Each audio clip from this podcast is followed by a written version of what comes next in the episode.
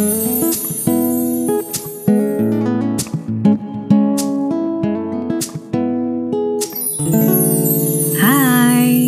balik lagi di This is Sati bersama gue Lia. Nah, em, kalau kemarin-kemarin Isal sendirian atau gue sendirian, hari ini eh, gue punya special guest dan bukan wanita nih. Jadi sekarang kita punya sedikit sentuhan pria lah gitu ya, Em, supaya lebih objektif. Jadi nggak cuma mikir dari satu arah aja. Nah, topik kali ini itu em, sebenarnya berasal dari eh, pertanyaan di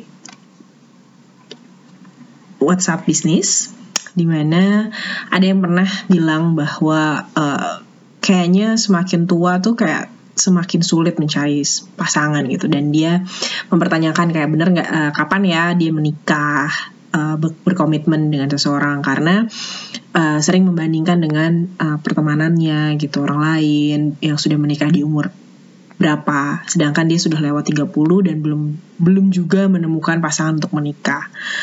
Tapi ada yang ada yang sedikit em, menyentil gue sih tentang pernikahan gitu. Jadi eh, dia tuh seakan-akan tujuannya adalah untuk menikah bukan menemukan seorang pasangan yang men- mengarahkan untuk ke pernikahan gitu nah Kali ini nih eh, tamu gue ini bakalan cerita sedikit tentang pengalamannya dari hubungan-hubungan dia yang dulu dan hubungan yang sekarang.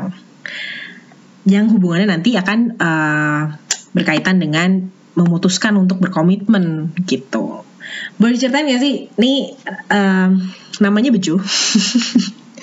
Panggil saja Beju karena kita di sini berkomitmen. Di saat itu berkomitmen untuk tidak mengeluarkan nama asli, untuk menyebutkan nama asli.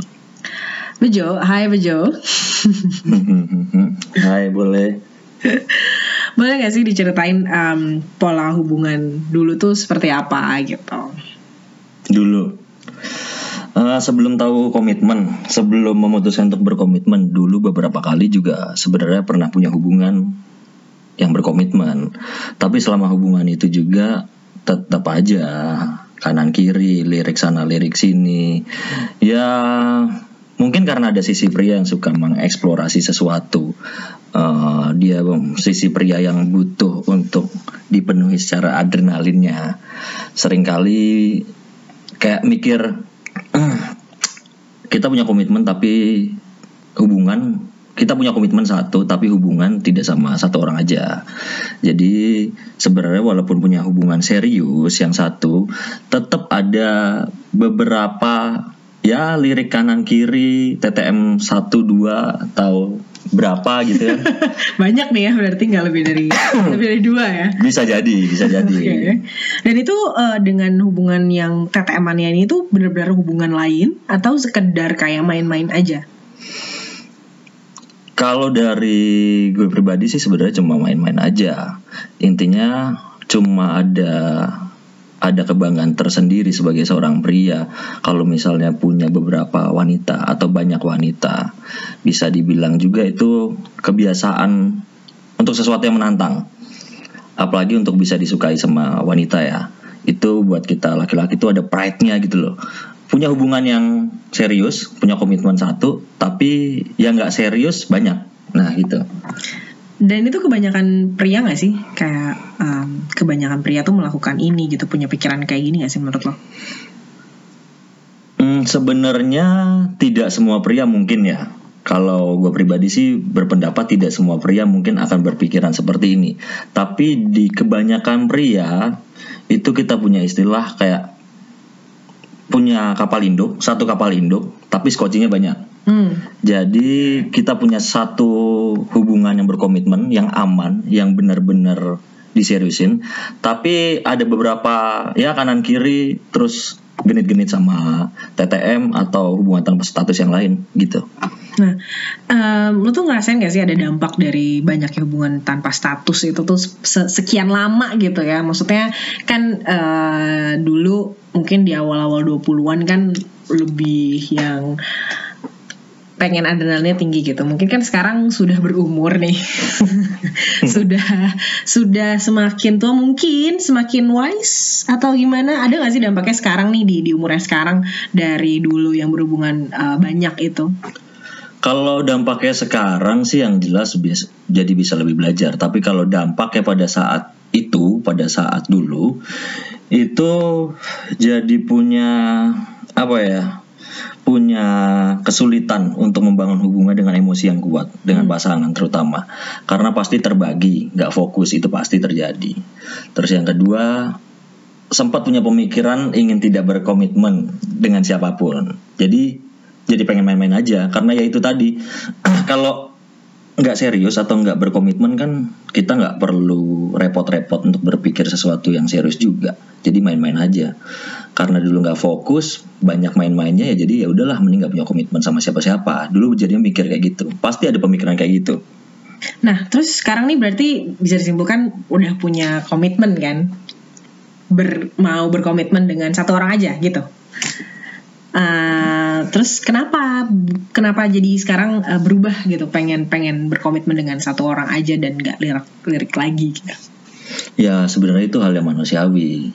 Karena ada masanya seseorang itu pasti akan mentok. Atau kalau kita di sisi dari seorang laki-laki dari seorang pria itu pasti ada sisi masa habisnya. Pola permainan itu habis. Strategi-strateginya udah selesai. Yang dieksplor udah terlalu banyak terlalu luas udah mentok nih misalnya kan.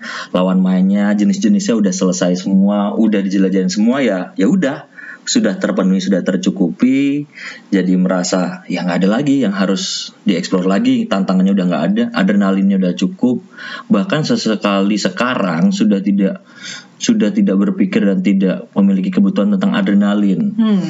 dari satu hubungan jadi untuk yang main-main atau cuma deg-degan kayak gitu tuh kayak udah nggak berasa yang dibutuhkan sekarang itu ya fase yang dalam tanda kutip itu aman okay. atau nyaman ya faktor usia dan pengalaman juga pastinya. Jadi butuh sesuatu dengan satu orang aja. Itu juga tantangan baru sih kayak kayak kita kita tuh next level lagi gitu loh. Yang dulu levelnya ngecer istilahnya satu satu satu banyak ya kan? Tapi ngalahinnya gampang istilah gitu. Kalau sekarang kan harus punya tantangan dengan satu orang tapi lama. Hmm. bahkan hubungan yang jauh gitu.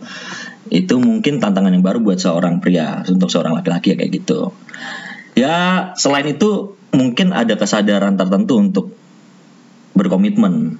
Itu juga harus dibangun. Dan itu biasanya terjadi karena banyaknya pengalaman atau banyaknya kejadian yang udah dialami. Biasanya kalau dari pria kayak gitu. Hmm. berarti uh, sebenarnya bisa semua orang apa gimana nih? Kayak uh, apakah sebenarnya faktor pasangan itu pengaruh banget nih di dalam dalam keputusan lo buat berkomitmen sama satu orang? Sebenarnya bisa jadi untuk semua orang, tapi setiap orang ini memiliki kadar atau masanya tuh beda-beda. Dan tergantung juga adanya komunikasi dua arahnya sama pasangan pastinya kalau di masa-masa masih kehitung muda awal-awal 20-an berkomunikasi dengan pasangan tidak semua orang bisa berkomunikasi secara dewasa pasti gitu. Hmm. tapi kalau udah di usia matang ya bisa jadi lebih dari 30 apalagi ya kan pasti akan berpikir untuk coba cari solusinya kayak gimana diobrolin.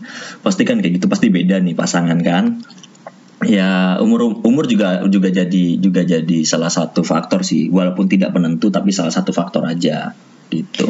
Nah, jadi kan sebenarnya komitmen itu punya arti yang luas banget. Ada yang mikirin um, komitmen itu dibentuk dengan punya keluarga atau punya um, pernikahan gitu, atau yang lain-lainnya. Nah, kalau buat lo sendiri nih berkomitmen tuh apa sih? Definisinya tuh apa?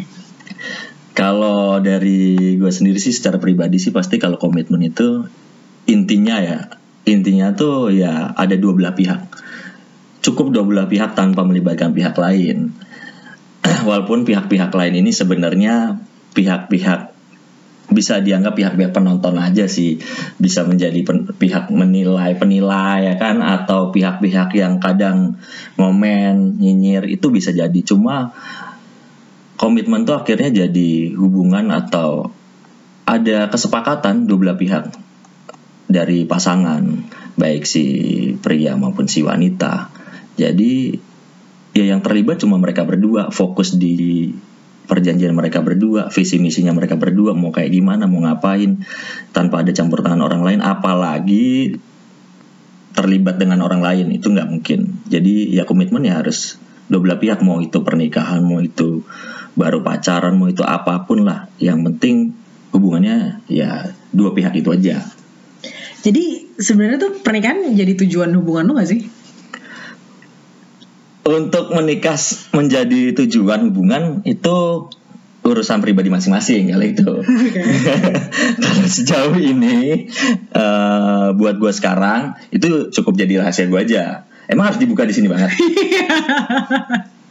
Nggak lah, ini kan um, apa ya? Karena banyak orang kan mempunyai tujuan hubungan itu akhirnya tuh menikah gitu. Mereka selalu berpikir kalau uh, happily ever after tuh didapatkan dari pernikahan gitu.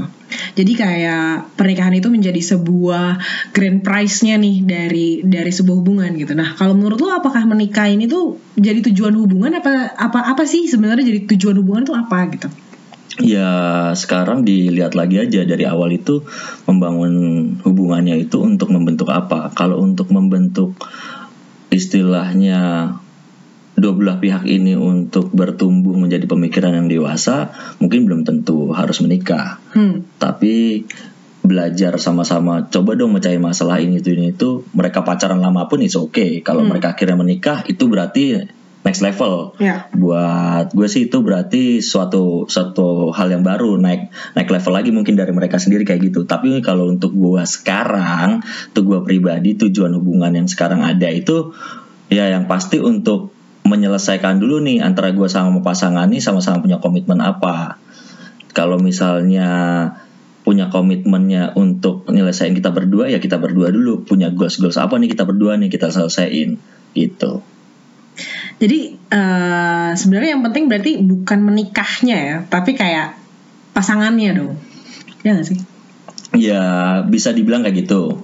Karena kan harus menyelesaikan sesuatu yang ada dulu sekarang untuk untuk naik level ke jenjang pernikahan pasti kan kayak gitu. Itu kan bukan hal yang mudah.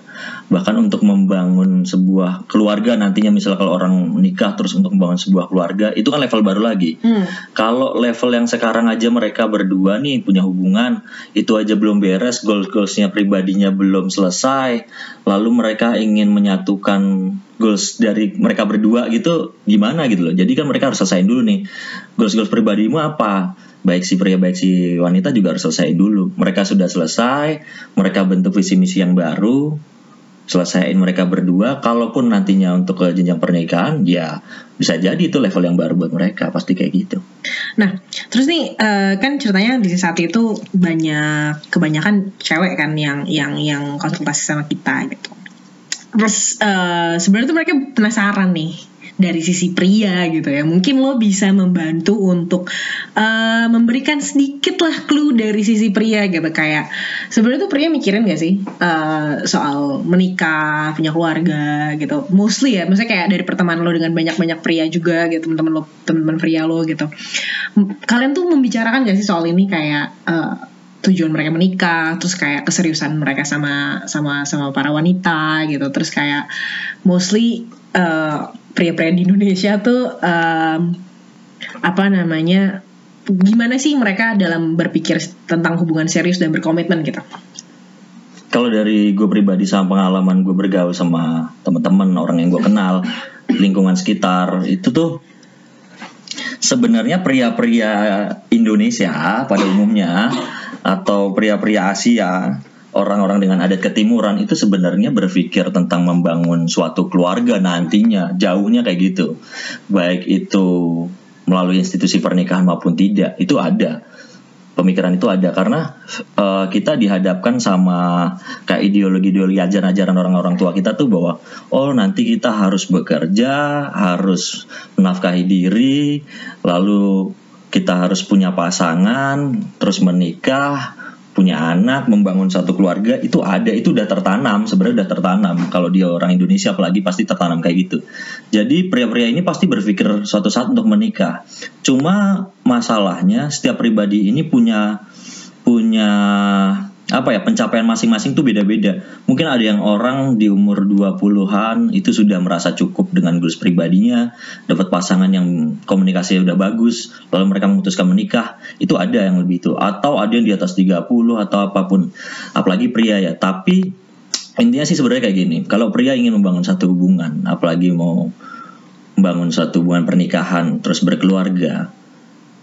Ya, pria-pria ini tuh sebenarnya tetap aja tetap aja pria-pria ini tetap aja. Pergaulan mereka ya pria-pria pria-pria pada umumnya tetap nongkrong tetap pengen tetap pengen punya pergaulan di luar tetap pengen punya punya pribadi masing-masing yang bisa dicukupi gitu loh. Walaupun mereka pulang mereka harus jadi suami dan jadi bapaknya bagi anak-anak mereka. Tetap di luaran mereka tetap butuh main butuh nongkrong butuh hobi hal yang semacam itu ini hobi termasuk hobi wanita juga nih. Enggak dong.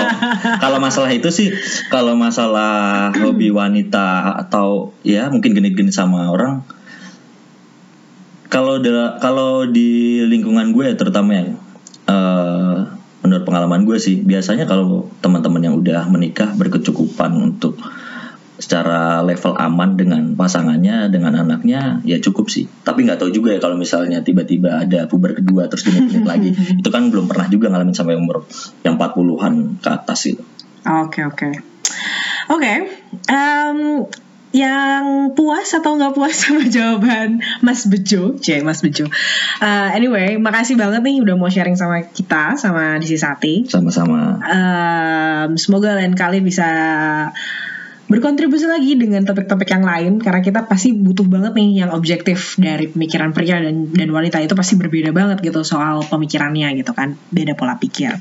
Anyway, um, segitu dulu dari Desi Sati dari gue Lia. Um, semoga banyak menjawab pertanyaan para wanita juga ya tentang pernikahan dan tentang uh, bagaimana sih cara pria berpikir tentang menikah atau tentang komitmen gitu. So, um, good luck for all people or everyone there that's going that's still uh, questioning mau nikah atau enggak mau berkomitmen atau enggak. Itu semuanya tergantung kalian sendiri-sendiri karena uh, memang setiap orang kan punya pemikiran yang berbeda beda soal komitmen. Itu dulu dari gue Lia dan sampai ketemu di podcast minggu depan. Bye.